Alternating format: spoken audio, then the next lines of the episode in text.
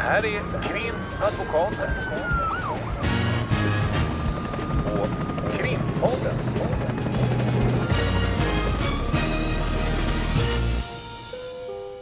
Parter och ombud kallas till sal 32. Hej Ulrika! Hej Lotta! Idag ska vi äntligen ha ett eh, litet extra bonusprogram här i, sommartider. Det är sommartider. Det är sommartider och när det är sommartider då ska man dra ner rullgardinen och gå och sätta sig och glo på tvn. Ja, och vi ska tipsa om det. Men jag måste bara säga att jag tycker att det här är som ett litet extra bonusprogram där vi ska tipsa om det vi tycker är kul att titta på, kul att lyssna på och, och ja, nej, det ska bli jätteroligt. Vad börjar vi med då? Vi börjar med eh, titta på. Och eh, där ska vi prata om eh, några serier som vi vill rekommendera. Och då börjar vi med en serie som är på Netflix.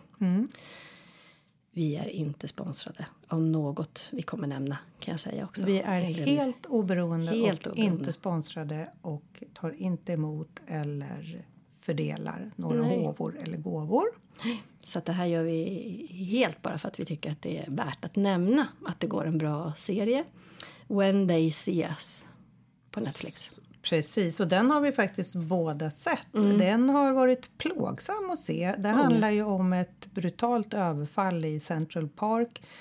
Slutet på 80-talet, jag tror att det är kanske 89. 89. Och eh, där handlar det om eh, fem unga killar, väldigt unga, som grips, häktas och sedermera eh, faktiskt också blir dömda för det här överfallet Ja, till olika grad av, av år i fängelse och Mm. ungdomsanstalt.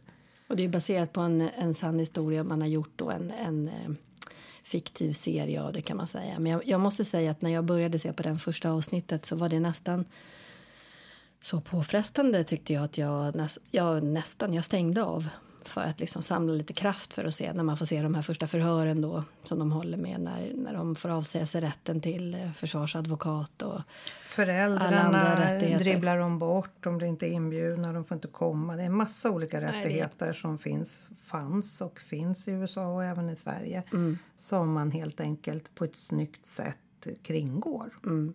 Medvetet så som det skildras också i den här scenen. Mm. Och få fram de här plågsamt. erkännandena då. Och det är ju det de sen döms för. För det är ju bara deras egna erkännanden. Mm. Det finns ingen DNA-bevisning, det finns ingen teknisk bevisning. Det finns ingenting som knyter dem till det här överfallet av- den här kvinnan. Det finns till och med annat DNA i en strumpa eller visst är det en strumpa? kanske inte som ska- Är, nej, just det. Vi ska inte spoila. Men man kan säga eh, sedan. Och, Och den det- är som sagt based on a true story. Och där har man också, eh, det finns tillgängligt både, det finns en dokumentär tror jag som du Ja, har sett va? BBC, visst var det en BBC Ja, jag tror det. Ja, Den kan sånt man säkert hitta någonstans kanske Youtube. på Youtube. Ja. Mm. Eh, och sen så finns det också en eh, pratshow-variant med Oprah Winfrey i anslutning till Netflix, det här. ja. Också på Netflix. Där Och jag hon, tror att om man ska titta på, på dokumentären så är det ju så här att här, den här titeln When they see us den är ju just bara för den här serien. Men eh, tidigare så har ju det här överfallet, det här brottmålet kallats för Central Park 5. För det skedde i Central Park och det var fe- fem personer som dömdes. Eh, så att jag tror att man kanske får googla fram det på Central Park 5.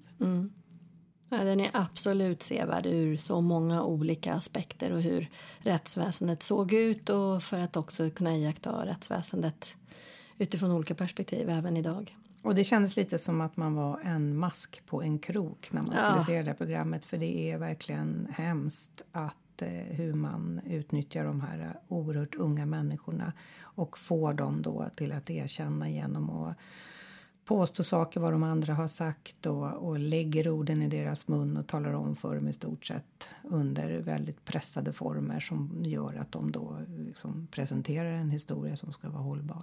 Ja, det Men den är värd att ses. plågsamt. Den är, den är värd att se. ehm, verkligen. Vi har ju, eh, förra året så var det någon eh, dokumentär också om svenska förhållanden i vad gäller barnförhör. Så det har ju varit uppmärksammat Mm. här och, och, och det ser ju annorlunda ut idag kan man ju bara säga kort. Men det är ju absolut sevärt.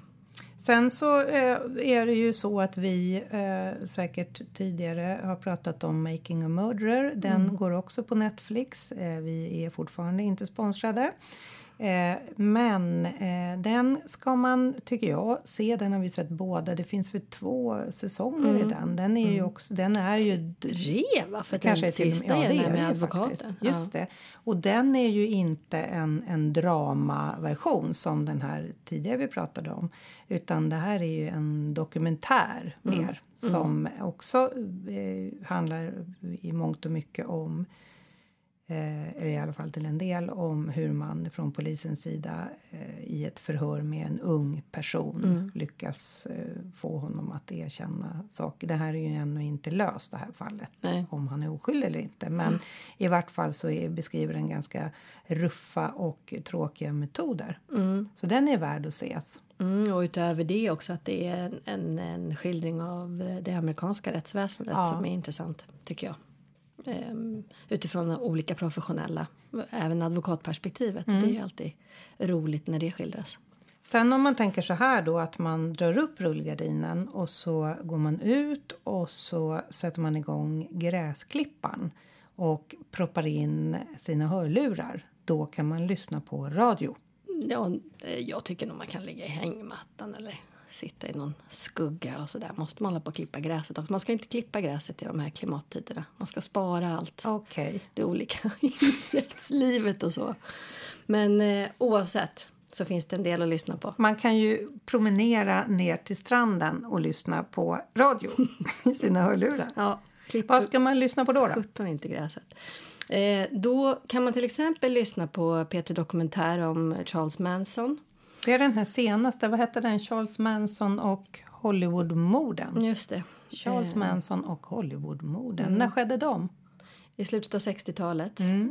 Eh, Du har lyssnat på den? Ja, jag har lyssnat på den. Den är absolut lyssningsvärd. Mm. Ehm, den är lite olika klipp från olika intervjuer sammankopplat och så vidare. Och, och eh, även utifrån de här tjejerna och de som var inblandade i det här kollektivet då som, som eh, de hade skapat och levde i. Ehm, jag tyckte den var väldigt... eh, Det, finns ju en hel del om, om Charles Manson och det här kollektivet och de här morden. Ja, då, gud, det finns ju tv och, och dokumentärer och drama, Hur mycket som helst. Ja. Men den här var, var ja, jag tyckte den, jag tyckte lyssningsvärd, den var lyssningsvärd. Ja. Mm, absolut. Då eh, eh, är, det, ju, det är ju intressant. Vi pratar om ganska gamla fall och då tänker jag att jag skulle vilja toppa det med, min, med mitt favoritdrama, nämligen det som också finns på P3 Dokumentär som heter Knutbydramat. Och det är ju den här eh, frikyrko sekten, får man nog kalla det. Eh, en avstickare ifrån pingströrelsen uppe i Knutby där det skedde mord 2004. Det är ganska länge sedan med det här laget. Men eh, den är, eh, det som hände där är jätteintressant. Det handlar om hur människor lyckas påverka varandra under inflytande av Eh, religion och hur eh, den här pastorn här som sitter nu i fängelse på livstid eh, lyckas manipulera folk i den här församlingen, framförallt en kvinna, en ung kvinna som också ja, hon utför mord här och, och lite så. Den är jättespännande. Det finns både böcker och det har funnits en teaterföreställning och det finns eh, jättemycket kring Knutby-dramat eller Knutbymålet. Men om man bara vill höra en radiodokumentär efter att man har hört om Charles Manson, då ska man lyssna på den.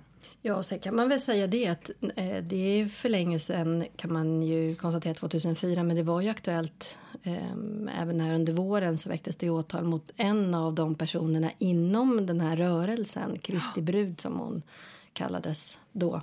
Eh, så det har ju, det har ju aktualitet även även Still going strong. Ja, även om det inte då var fråga om, om så pass allvarliga, Mm. men det var ju ändå misshandel och den här typen av påverkan och så vidare. Så att det är väl Nej, det är högst aktuellt jätteintressant. oavsett. Liksom. Ja, det är jätteintressant och det handlar om just hur, hur man kan bli påverkad och hur man kan påverka i, i någon sorts eh, religionens namn. Mm.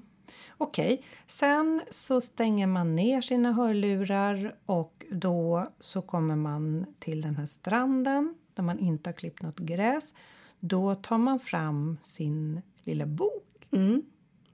Ehm, och man kan ju för sig lyssna på ljudbok också men det är ju ganska härligt det här att i alla fall läsa någon ja, bok. när man har den här boken som blir fylld med sand Mm. och, och, och lite blöt och så. Det är härligt. Och Det är härligt och eh, då vill jag rekommendera en bok som med titel 1723.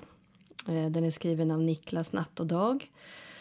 Hans eh, debutroman om jag inte missminner mig och eh, det är en deckare kan man säga som utspelas då i slutet på 1700-talet. Så 1723 är inte en portkod utan det är 1723. 93. 1793, Men annars alltså riktigt. det är åren. Mm, Okej. Ja, det är året 1793 och Det är inte pinkoden. ut, utifrån ett eh, historiskt perspektiv och så skildras det som ett mordfall, ett ganska ruskigt sådant. Ehm, men i, i ett Stockholm då ehm, som ehm, enligt mitt förmenande i alla fall är trovärdigt skildrat hur det var på den tiden med detaljer. Hur man Och vem är det som är liksom huvudpersonen? Är det, är det den som har begått något brott eller är det den som är utredare? Utredaren. Ja, okej. Mm. Eller utredarna, ska Mm. sägas. Ja, nej, jag ska inte spoila alls i den delen, utan den, den tycker jag är läsvärd. Just för att eh, det är... Jag menar, vi har ju en hel del deckare i, i svensk litteratur. De sista åren har det ju skapats hur mycket som helst. Och det här är egentligen deckargenren, alltså vad ska man säga, litterära knep och, och sånt som är ganska vanligt.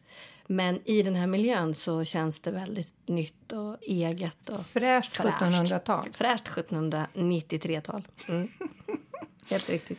Eh, den har jag inte läst, eh, men eh, om vi ska återgå till det här med, med siffror så istället för 1793 så skulle jag rekommendera 438. Det är nämligen boken som Martin Schibbye skrev efter att han och Johan Persson satt i fängelse. 438 dagar heter den boken. Mm. Och de eh, beskriver hur det gick till när de blev eh, på Afrikas horn tillfångatagna skenavrättade, hur de sen blev dömda och hur de sen hamnade i det här fängelset och hur, hur det är att vara i ett fängelse på Afrikas horn som skiljer sig en hel del ifrån hur det är att vara i ett fängelse hemma i Svedala.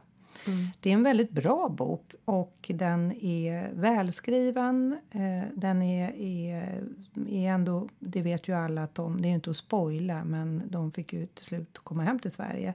Men eh, det är faktiskt en, en, en bra bok och kan vara värd att läsa.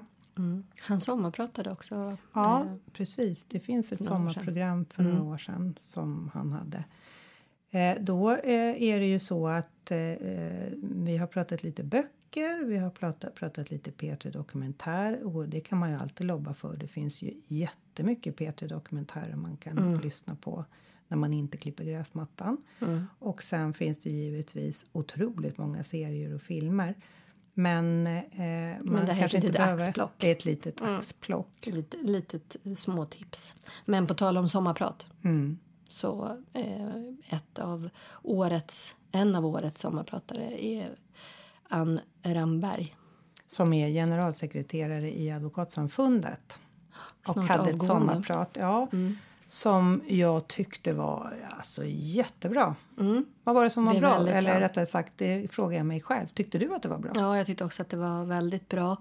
Ehm, vi sa fräscht 1700-tal här tidigare. Det är också fräscht i den delen att det var ingenting egentligen, ytterst lite om hennes egna person. Det har ju varit också lite diskussion kring det här hur sommarpraten är upplagda och att det alltid är det här eh, vad man har gått igenom och, och hur livet har sett ut och så här, vilket is, givetvis i vissa delar kan vara intressant och, och givande att lyssna på. Men det Ann Ramberg gör är att, att um, utifrån rättsväsendet och det här med rätten till en rättvis rättegång och, och de fundamenten i, i, vår, i vårt rättsväsende, att hon går in på det. Och det låter ju, när man beskriver det så låter det ju som eh, att det inte skulle vara så lyssningsvärt Nej. eftersom det, det kanske låter som att det skulle vara lite navelskåderi för advokater. Men det måste jag säga att på det sättet som hon också beskrivde, eh, beskrivde, beskrev de här fundamentan i vårt rättssystem och oron för att demokratin kan luckras upp och vad som kan hända och vilka konsekvenser det kan få och vilka varningstecken man har. Det gjorde hon på ett sätt som jag tror att om man är det minsta intresserad av samhället och politik idag tror jag att man har ett nöje av att lyssna på hennes sommarprogram. Det verkligen. var väldigt bra. Mm. Mycket bra. Ett, en, en stor rekommendation. Eh, ska vi rekommendera något solskydd nu eller? Nej. Nej. Bara att man inte ska glömma bort det. Det kan vara bra.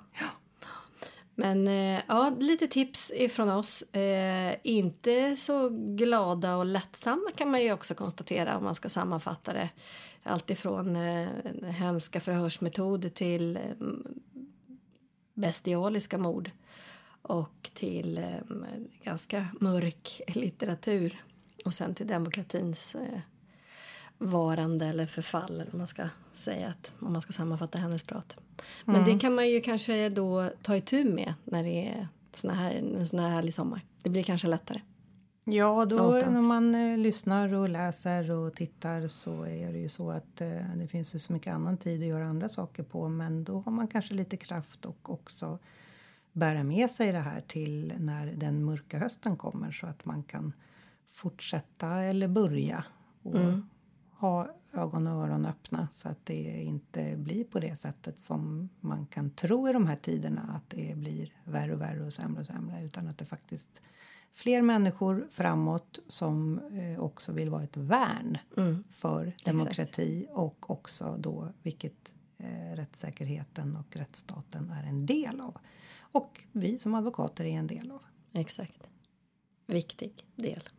Mhm. Mm. Bra, och jag tycker att det här var ju super. Vi kör det som en tradition. Hösttipsen, vintertipsen. Sen kan vi om ett år ungefär se om vi har någon skillnad i höst, vinter och sommar och vårtips. Nej, nu kommer vi dragandes med den där Making a Murderer igen. Femte säsongen, sjunde säsongen. Sluta prata om det. Ja, då går Ja, vi ut då och, går vi ut och- inte klipper gräset. Absolut inte klippa gräset. Krimpodden.